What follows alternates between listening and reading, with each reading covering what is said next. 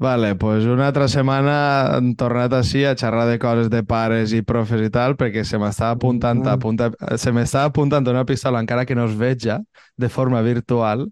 Esta és la perquè- raó per la qual no posem el vídeo. La perquè pistola no de. Chekhov. La pistola És de la- Chekhov. La pistola de Pisa, perquè avui venim a xerrar de coses de professors i de que l'educació està molt mal i totes aquestes coses que, sincerament, quan ho estava plantejat el programa se m'ha fet una bola tremenda. No sé si principalment perquè la massa no estava ben feta o, o perquè la cosa està un poc... Ma- N'hi ha, està havent una molt- sobredosi de xistes. N'hi ha, ha, molt, ha molt de cunyadeo sobre la qüestió i, bueno, jo resumiria en que la gent no aprèn perquè s'ensenya mal i és tot culpa dels professors, dels pares i els xiquets cada dia són més subnormals. Ara, a partir d'ahir, si voleu, A veure, xerrem d'algo seriós. el context és que va eixir esta setmana passada l'informe PISA este, que jo he de dir que a mi em fa gràcia perquè l'informe PISA, estava dient vos abans d'entrar, va ser un informe que va fer Villarejo e inventar-se de que Pablo Iglesias tenia un compte en les Granadines o per ahí, i era PISA, era Pablo Iglesias Sociedad Anònima. Jo, jo no sé quin és el- l'acrònim original de PISA, però jo cada volta que algú diu PISA pense Pablo Iglesias Sociedad Anònima. Entonces, em fa més, més gràcia, independentment del contingut. Però el rollo és que, com sempre, o sea, com sempre que ixen eh, estudis d'aquest tipus, eh, algú tira les mans al cap de que els xiquillos ja no tenen nivell i que tot se'n va a la merda, i que, bueno, cada uno aprofita per a, arrimar al, a la seva hipòtesi. Entonces, és, és Quines gilipolles... són, quines són les hipòtesis que més vos han agradat? Perquè jo, eh, la de les pantalles ha sigut profundament superat per la de eh, en la prova n'hi havia massa immigrants i per això mos així malament, que és el que apuntaven en vergonya, puta Catalunya. Això és el que va dir el govern català. Així que després, a, a més, es va veure que és mentira i a més va eixir que fa 10 anys, quan van eixir resultats ruïns, eh, després de la crisi de 2008 o, o per ahir, o sigui, crec que devia ser 2012 o 2013, la consellera del moment, vull dir, una autèntica subnormal, eh, ja va dir el mateix. Vull dir, que es veu que és una miqueta el comodí que gasten els catalans, que a volta que tenen un problema és que n'hi ha molts immigrants. Lo, lo guai, entre cometes, és veure quanta gent que eh, perfil indepe que va de progre eh, mostra la pateta, no? La, la, la pateta del tema de la la pateta del tema de la immigració i dic, claro, és que aquí n'hi ha molt més immigrants i tal i qual. Això, evidentment, no està demostrat i, de fet, una cosa de La les que pateta diuen... de la xenofòbia. Claro, i a més diuen que, el, que els, els Eixa pateta és negra o blanca? Efectivament, no ho Seria jo, el llop o la cabra? No, No, és que el- m'he m'he imaginat el meu gat quan es clava darrere el sofà que fa xina en la mà cap amunt i no li Andrea veus està el cap, fent però moviments de mà. Jo explico Moviments el de, context. moviments no? de mà perquè no eixir el vídeo complet. O No. sigui, o sigui, No, per favor. Fe, fegar com sarpaes, no? És, estem fent el, el símbol. Sí, va, va mostrar una miqueta de quanta gent a la primera que l'apretes, dic, a- abans d'acceptar, de dir, bueno, pues que igual pot fallar algo en l'educació pública o el que siga, és millor dir que és culpa dels immigrants i, de fet, una, una cosa que diuen que a banda dels nivells de renta, que normalment eh, mm, que mesura l'informe PISA i que no. Dir, jo, jo començaria una miqueta per ahir perquè... Sí, però bueno, abans de que comences també, o sigui, una cosa que... És que encara que hi haguera sobre representació d'immigrants, si estan escolaritzats així, no tocaria que també tinguin un bon nivell? O, o simple... És a dir, a, a, a mi el que, a, lo que s'apunta com a donar per fet que la gent que de fora sempre va a com mantindre's en, en un nivell baix educatiu, em, em pareix com un, un plantejament bastant totxo, però bueno. Són pobres i són tontos i damunt és culpa d'ells. O sigui, és que Efectivament. El, el, el triple de dir, home, claro, que m'ho Però- porten aquí tontos i, claro, mos afonen. I dir, bueno, ja... Però és que eh, una és perversió, pitjor. eh? De, de Ahí és tot. pitjor perquè n'hi ha una, una qüestió que apareix una tercera via, que és el que diu no, no tots els immigrants, diu, els asiàtics són molt disciplinats. Ha vingut gent d'Argentina que resulta que han après català perquè ja aprenen online, no sé, que ho dia la dona esta al podcast, un podcast de rac i després la tercera que era, no, i els d'Ucraïna i Rússia tenen un alt nivell de és com, els únics que t'has deixat per dir són o els gitanos o els, o els de Marroc o el que. Que Però és és com, que gitanos està no són claríssim aquí- immigrants. aquí estàs senyalant. Els gitanos Bueno, no són clar. immigrants en la majoria. Sí, sí, sí. vull dir. Ja, Però- ja, però vull dir... Però, Sí, però està, entren dins del pack. Sí, és sí, com, no, de qui no xarres és obvi de que són els que tu dius, vale, la culpa és d'esta gent que no tenen valors catalans i el que No, sigui. ara se'n recordeu el meme aquell de, de, de Peter Griffin i el Pantone? Quan el pare de la policia. Vull Sí. dir, pues, eh, eh, estem en, en això, no? Vull dir, que, Sí. quin és el d'això? A veure, la, la primera cosa, que és el que, lo que tu dies de el tema de que els asiàtics sempre se'ls donen millor les matemàtiques. Vull dir que això sí que es veu que estadísticament sí que és, sí que és rellevant. I, I, de fet, les proves PISA és típic que el millor que, de fet, el, els millors que eixen sempre aquestes proves és Singapur i coses d'aquest estil, que per cert és una dictadura molt xunga. Vull dir que, que també, vull dir, el, el tipus de coses que valorem... Però la primera cosa que em va fer gràcia de l'informe PISA, vull dir, l'informe PISA, per a qui no ho sàpiga, és una cosa que, prom que promou la OCDE. Eh, què vols, Andrea?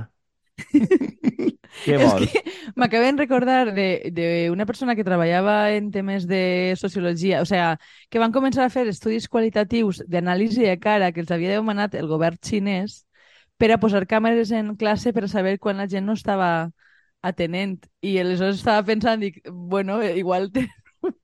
O sea, me'n recordat d'això i estava pensant en el tema de ser millor en les classes i m'estava entrant la risa, perdó. Ja no, et promet que et deixe acabar, acabar el- la- Eh, però- l'inici però- de la teva explicació. Vale, però, però aquest raonament on conduïa? Ah, no, no, dirà que el, el rotllo este de, de ser millor va quin preu. O- o- O sigui, A Parlava de Singapur. Estàs insinuant que aquests països, el que no és bon matemàtiques, mm, camp acaba d'arròs. Eh, cultivant arròs, no? En, el, en un delta. No, no, no, no, però, me- però No, no, ac- se m'ha creuat un pensament. Acaba igual cultivant arròs, però el tema... El tema és que les, el desescolaritzen abans. Eh, vale, m'ha m'ha perdut. Què estava dient? Diu, ah, sí, el tema de l'informe és una cosa que promou la OCDE i el foro de Davos i no sé quantos. Bàsicament, eh, n'hi ha una gran part que, que té un component com molt empresarial eh, i d'homogeneïtzació.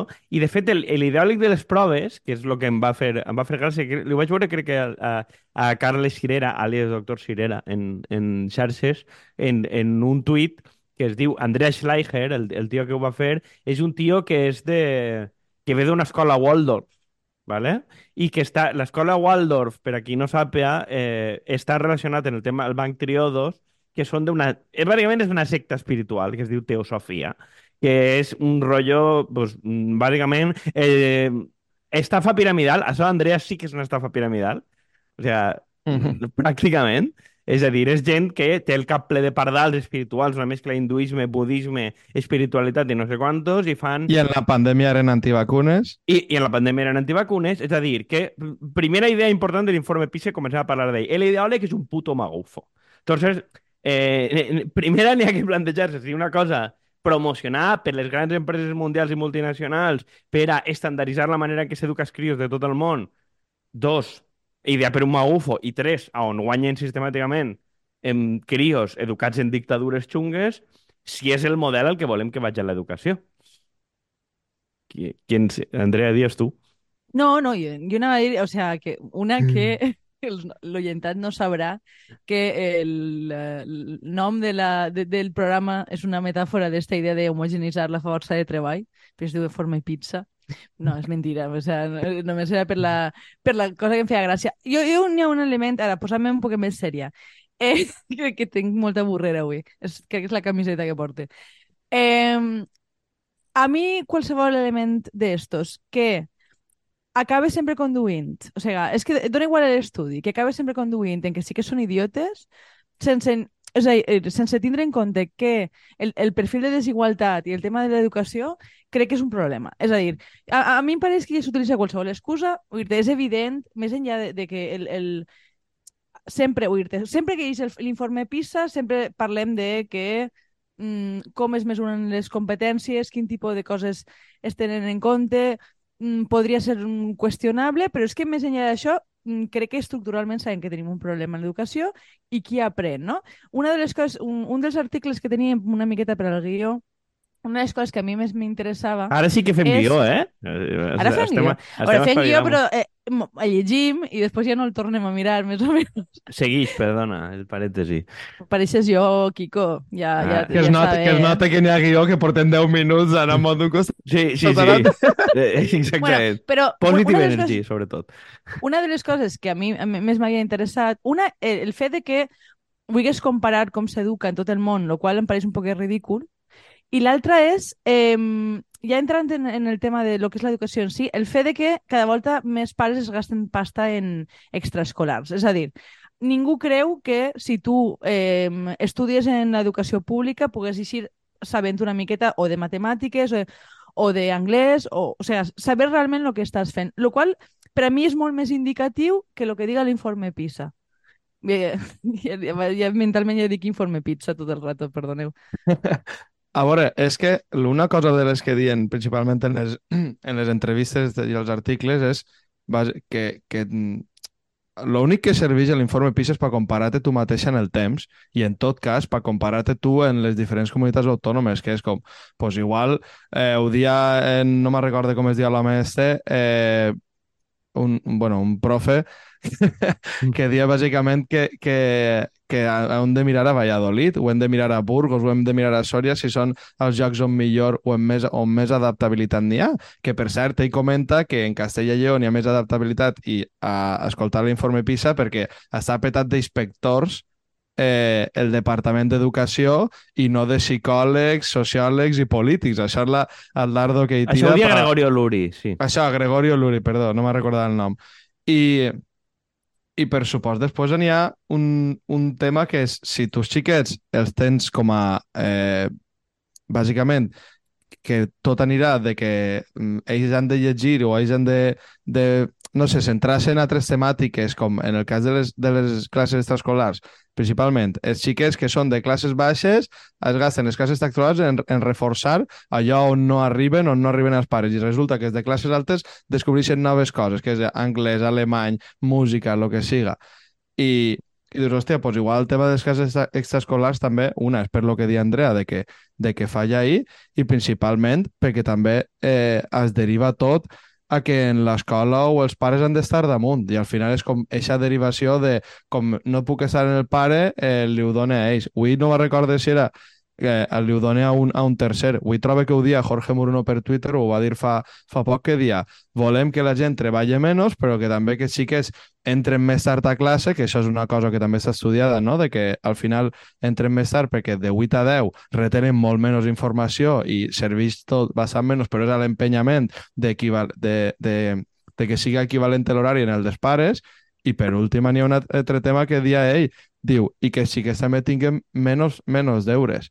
Jo en això eh, trobo que és lligat en un sentit del deure i del compromís, tampoc està malament que sigués tinguem més deures, i ho comentava sobretot perquè dia que la majoria de països que va bé aquí en l'informe PISA és on menys deures n'hi ha. Que no sé jo a quin punt això és, és positiu o, o, o no genera que no hagis de tenir res fora de la classe, no? I, a més, és que jo, o sea, el tema dels extraescolars i els deures en general, hi ha un element que crec que és bastant important, que és que polaritza molt eh, el perfil parental. És a dir, tu tens un perfil... O sigui, si, si tu deixes tot a, a lo de fora, tens un perfil de pare que està molt damunt i que són els típics de que envien WhatsApp al professor tot el rato i que estan com molt, molt, molt damunt dels seus xiquets i altres que eh, no estan, no estan perquè no poden o perquè no tenen la qualificació. Vull dir i en això tornem als estudis que hi ha sempre de qui arriba a la universitat i qui no en funció de l'educació dels seus pares i el seu nivell socioeconòmic. És una cosa que no ha canviat, vull dir i per tant, no, el sistema educatiu que en teoria ens ha de permetre eh, donar mi millors oportunitats o preparar per a ser adults als, als crios, està, està eh, reproduint sense, eh, a la perfecció, sense ningun tipus de maquillatge, els sesgos de classe que ja existien prèviament a que arriben els crios al col·le. Entonces, ahí, ahí és on jo veig el, el principal fallo. O sigui, quan tu més, quan tu més externalitzes l'educació, i vull dir és evident que està molt bé que els pares s'impliquen i que, però vull dir no tot el món té pares que poden implicar-se, ja siga per faena, ja siga perquè estan menys presents, etc. Aleshores, crec, crec que això augmenta molt la desigualtat entre els grups. A veure, el, el, és obvi i que sobretot que com més mm, feina poses per a casa, que, de, que a més requerisca... Una cosa és la implicació dels pares, però vull dir, pot haver un perfil de pares que vulguin estar com molt implicats, però si els falta la formació bàsica en competències, sobretot quan són més majors, eh, van a poder-los ajudar com de forma molt limitada i, per tant, això segrega. Jo sí que veig ahir n'hi ha com una imitació de lo que fa, o sea, de, de que cada volta més el sector públic intenta imitar el sector privat i Joanta com un rotllo com de l'excel·lència i crec que caldria plantejar-se si això és realment el que, lo que es vol del, del sector. I una cosa que, que me recordava ahir preparant això era quan el, va arribar el tema del procés de Bologna a la universitat. Eh, mm. les coses que, que m'aixecaven més, no? I, vull dir, i, i m'aixecaven vàries. Una d'elles era de que eh, a- abans eh, els crèdits eren de 10 hores de classe, o sigui, quan, quan llicenciatura, quan jo vaig començar a estudiar, i després eh, eren de, ja de, jo crec que quan Juan de Granara a classe ja eren de 25 hores. Eren ECTS. La diferència entre els crèdits de 10 i de 25, a part de que els de 25 es fan més car, és que la diferència entre el 10 i el 25, aquestes 15 hores, et cobren per les hores de casa. És a dir, et cobren per la faena. Ja no eren hores de classe, sinó hores de treball. I a més d'això, els informes, i ho diuen a la puta cara, era per a disciplinar a la gent que aprenga a treballar com en una empresa. És a dir, eh, fins a quin punt tot el tema dels deures, del treball a casa, dels treballs en grup, era, eren recomanacions empresarials que a més portava el Banco Santander, pur i dur. Vull dir, tinguem clar la, la principal promoció dels deures, perquè ara també eh, sentim molt la cultura de l'esforç i no sé és la gran banca i les grans empreses que et diuen, bueno, és important el, el, el tema del disciplinament, a més en, en l'efecte que té com, com disruptiu. I una, I una segona cosa que, que, que dient, que podem entrar ahí, eh, també era que la reforma, en este cas de la universitat, s'havia de fer a cost zero. És a dir, jo una cosa que trobo a faltar en tots Sí. aquests debats sobre que fallen l'educació, és a dir, mm, n'hi ha moltes coses que poden fallar. La cultura de l'esforç, però les ràtios què? Vull dir, quant estàs invertint tu per, mm, aquí per habitant i quant estàs invertint a França o a Dinamarca o a un país avançat? O sigui, hauràs de... mm, La Però és ràtio que és lo és- principal. A quanta gent atén cada profe, en cada escala? Però és que això, és a dir, mira, en, mo- mos podem queixar molt dels profes en moltes coses, però crec que en termes de quines són les propostes hi ha un consens generalitzat que hi ha un problema d'hores dels centres, vull dir per què vas a tindre a 8 hores un xiquet en el centre? Vull dir això és una espècie de presó per xiquets o una espècie de... Bueno, eh, mentre jo estic treballant, que, que estiga controlat per algú, és l'única funció.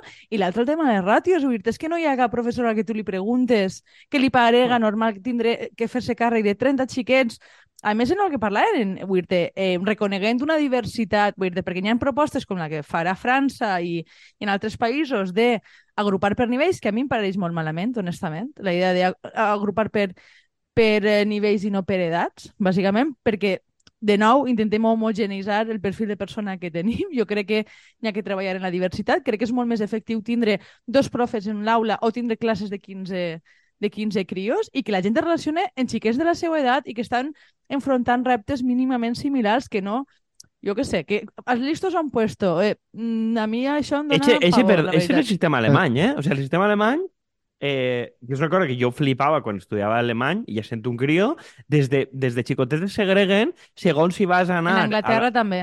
Eh, Sí, pues això, segons si vas anar a la universitat, si vas anar a una FP o si van a donar-te una FP bàsica i te'n vas bàsicament al matadero. És a dir, si vas a ser treballador industrial o tal de, o serveis de mínims, si vas a tindre una FP tècnica o tal. Es segreguen, però superpront. A més, Als són 10 insti- anys, als 10 anys. als estan 10 anys. a més, segregats. són instituts distints. És a dir, són, ja, no és ni el mateix tipus d'institució.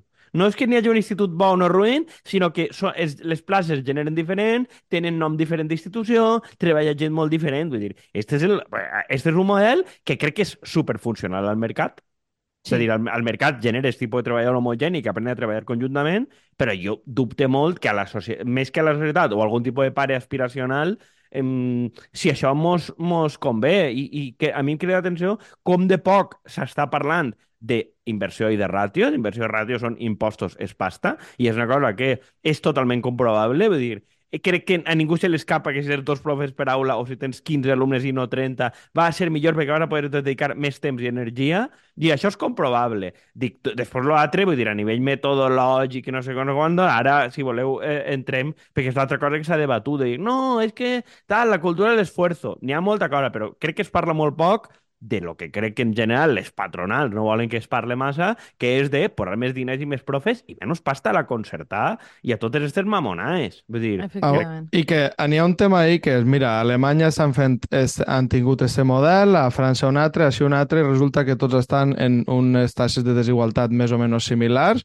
després en, en quan està la societat, i acabes tenint els problemes polítics que tens, que és que n'hi ha un malestar, etc. Jo el, que veig és que igual, exactament la metodologia eh, és important, però possiblement el que més importa és el tema de les ràtios, el tema de la burocràcia, que per exemple, sí, en el País Valencià és una de les coses que, que més s'ha assenyalat i més han ensenyat els professors, i otra que si comparem eh, eh, el País Valencià i Catalunya sí que es veuen diferències, pues, de que així, per exemple, la cosa està millor perquè has tingut un govern que almenys el tema de les ràtios s'ho ha pres més o menys en sèrio, que és l'única cosa en la que s'ha dedicat a, a invertir, tinguent també una generalitat de Chichinabo, com tenim així. I després el, el tema de, de que els professors sàpiguen el que estan ensenyant. Els professors, a dia d'avui, en la LOM-LOE, ells no sap... Vull dir, jo una cosa que he llegit i que també he parlat, tant en mestres com en professors, és que el tema de les competències, que, que no saben moltes voltes què és lo que, com transmetre això i si el que estan ensenyant serveix per algo i si això tal. I una cosa bàsica de les que diuen és que un, que un sistema educatiu, tinc que ho dia l'urineste, si un sistema educatiu ha de triomfar, és perquè el professor ha de saber per què fa cada cosa en cada moment, no? I la sensació ah, ja. és que molta gent, eh, no, no, molts profes no, no, no entenen això perquè és molt difícil, no? Perquè s'ha centrat tot a través del món de l'empresa i de crear un exèrcit de treballadors ja està, s'ha perdut el simple fet de, del, del coneixement, això sobretot a nivell universitari, del coneixement pel simple coneixement, i, i trobo que al final pues, tot va de que l'èxit educatiu siga este de, de crear inserció laboral i, sincerament, tampoc ho estan aconseguint, o sigui que ha sigut un fracàs.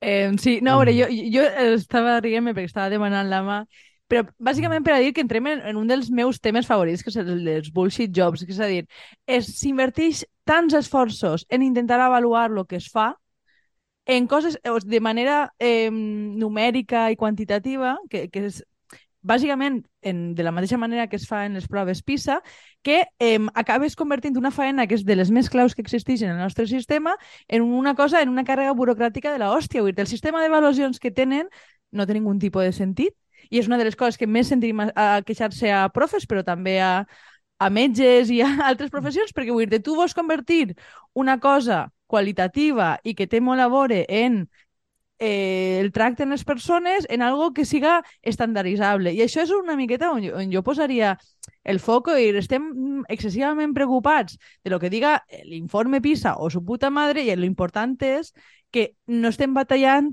la qüestió de que fan falta més recursos i que fa falta centrar-se en què volem treure d'aquest sistema educatiu, que és que la, que la gent que tinga millor qualitat de vida en el futur i això implica no deixar darrere ningú.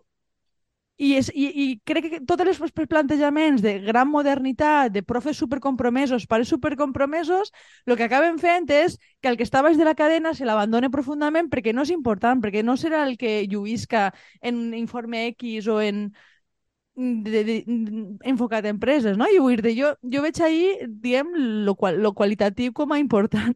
Eh, a veure, n'hi ha, ha, i crec que això és el que dius tornem a lo mateix, que, que és el que, lo que ja anava de Wire en el moment, no? Vull dir, una, una de, de, dels temes forts que n'hi ha, que ha de Wire és que conforme fas més control estadístic a lo que fa la policia, a lo que fan els profes, a lo que fan els periodistes, és a dir, conforme demanes més... Molt bé, acabo de trencar una tassa. Eh, conforme demanes més eh, i per objectius, eh, la cosa va pitjor. És a dir, el que demostra la, la, la sèrie i el que anava com molt barat en fer reals és que quan s'obliden de controlar-los i li donen diners a la policia o li donen diners als professors o li donen diners als periodistes per a fer la seva faena, fan la faena bé i, a més, el resultat acaba sent millor, paradoxalment, per no estar controlant tot el rato, no? Vull dir que mos torna una miqueta al tema de les ràtios. Jo volia reforçar la idea de antes, és a dir, la, la pedagogia i tot això està guai, però la qüestió és que s'ha de fer i el miracle és que s'ha de fer sense pasta. Vull dir, tu no pots aprovar una llei cada 3 o 4 anys eh, i fer aquesta reforma massiva pedagògica sense pasta. Al final tens gent en, fent una feina de merda que és, i tots coneixem, els profes i docents que coneixem, el temps que passen, siga a qualsevol escala, omplint documentació que és absolutament estúpida. Que només serveix per a que n'hi hagi una persona per damunt que estiga tranquil·la i que s'hagi complit. Però, claro, això no és... O sigui, aquest control estadístic, conforme dia Andrea, genera la seva pròpia burocràcia i no està resolent el problema. I una, una cosa que, que dia eh, eh, Cirera en el Twitter, que una miqueta en part de l'experiència històrica, perquè ell és historiador de l'educació, que al final eh, el, el tema del manual és poc sexy, vull dir, front a altres pedagogies més modernes i tot el rotllo, però té una cosa bona, aquell dia, que és a prova de tontos. Vull dir, que tu no necessites ni pares motivats, ni profes motivats, ni alumnes motivats, ni excessivament diners O sigui, que tu al final necessites un sistema que doni uns mínims i si després n'hi ha profes motivats que volen fer el seu projecte, que està de puta mare. El tema és que tu no pots confiar que cada any arribi al centre un profe supermotivat, que tinga moltes ganes de fer feina, que coincidisquen uns pares en moltes ganes, crios en moltes ganes i que n'hi hagi diners. Això només es dona en un espai, en la privada i la concertada i en la classe alta. I... El problema és que el, el, l'educació en este cas per mi s'ha polititzat, però s'ha polititzat de, de, en els termes de que ha copiat lo pitjor de la política institucional, que és bàsicament que li estem demanant als professors, als, als profes i a tots que han de ser superhomes, igual que ho demanem a molts polítics, quan el sistema no genera incentius per a que, per a que funcione correctament o per a que n'hi hagi un, un, una idea eh, més enllà de, de, de, lo que es vol, de lo que es vol fer. I la segona és que tot el tema de les pedagogies, que és el que més està afectant a Catalunya i per lo qual al final els directius i tota la, els directius i els, i els claustres de professors han acabat siguen putos guetos és perquè també han copiat perfectament lo de la política, de que importa més tindre una nota de premsa dient de que tu has tret un projecte innovador, educatiu, no sé què, que tindre un treball gris de traure gent de la pobresa o de que simplement ascendisquen de classe. És simplement, queda molt més xulo això, que trobo que a Catalunya ha sigut lo més, una de les coses també bastant acuciant i que denunciava eh, l'OMS en el seu article i que al final jo trobo que els xiquets també haurem de dir-los que el, el que fa falta també és que, a banda, a banda d'això, eh, que també els xiquets fan coses mal i que així tot el món no pot estar fent-ho bé i que les coses seguisquen anant mal. Que és com no se li pot dir als professors perquè estan estressats, no se li pot dir als polítics perquè no, no tenen més pressupost, i no se li pot dir xique, als pares perquè no sé què, i als xiquets tampoc perquè no sé quantos. Dius, home, dic jo que ha hagut una generació, pareix que aquí l'abuelo cebolleta, i sóc el més jove de tots, però dic, també dic jo que en el moment en què les coses tenen conseqüències és quan els xiquets es manegen. En el moment en el que, sobretot en Catalunya, han canviat la, la metodologia cap a cap a ho tingues tu bé o malament, tu no tens conseqüències, tu no repetixes, tu no suspens, pues, eh, igual el sistema és una merda el que n'hi havia antes, però és que el que han creat tampoc és millor. Eh, a, jo... a mi m'agradaria acabar en una frase que em va agradar molt de, de Gregorio Luri, eh, que parla una miqueta, diguem, de la pedagogia i de tractar tot el món, eh, o sea, con, si no tinguera capacitat, que diu que, que vull dir, els alumnes no són idiotes i són, i són perfectament capaços de reconèixer quan se'ls està donant mm, elogis immerescuts. I ell diu, un elogi immerescut és una forma d'humiliació. I a mi, aquesta frase a mi m'agrada bastant i crec que resumeix una miqueta el que, lo, lo que estàvem parlant. Jo, al final, jo per, per tancar, crec que mos queda un erogi de la, la, diguem, la burocràcia gris ben entesa, no? La burocràcia gris és el, la faena de professionals que no és vistosa, que no dona grans resultats i que es basa en, pues, això, en reduir ràtios i bons resultats i no, no o sigui, obligar a la gent, si te, tu tens professionals que la seva faena és tratar en crios, que passen més temps en els crios, en més atenció, i que no, estiguen, no passen el temps fent paperassa. Vull dir, és que al final, eh, tornant a lo que dia de The Wire i companyia, la lliçó és paga-los perquè facin la seva faena en condicions i deixa't d'emetre merda per la boca. Vull dir, això requereix fonamentalment pasta. Vull dir, ni tan sols vull gent excessivament vocacional. Vull dir, si no n'hi ha un profe vocacional, posem-ne tres no vocacionals. Però vull dir, mm, burocràcia que funcione, per favor, i menys parauleria. I aquí ho deixaria. Alguna idea més? Jo crec vale, que pues, podríem parlar d'aquest tema 30 milions d'anys, però I, continuarem un altre Volveremos moment. a él. Ale, pues. Pues ale, Adeu. la propera semana. Adeu. Se nos fue.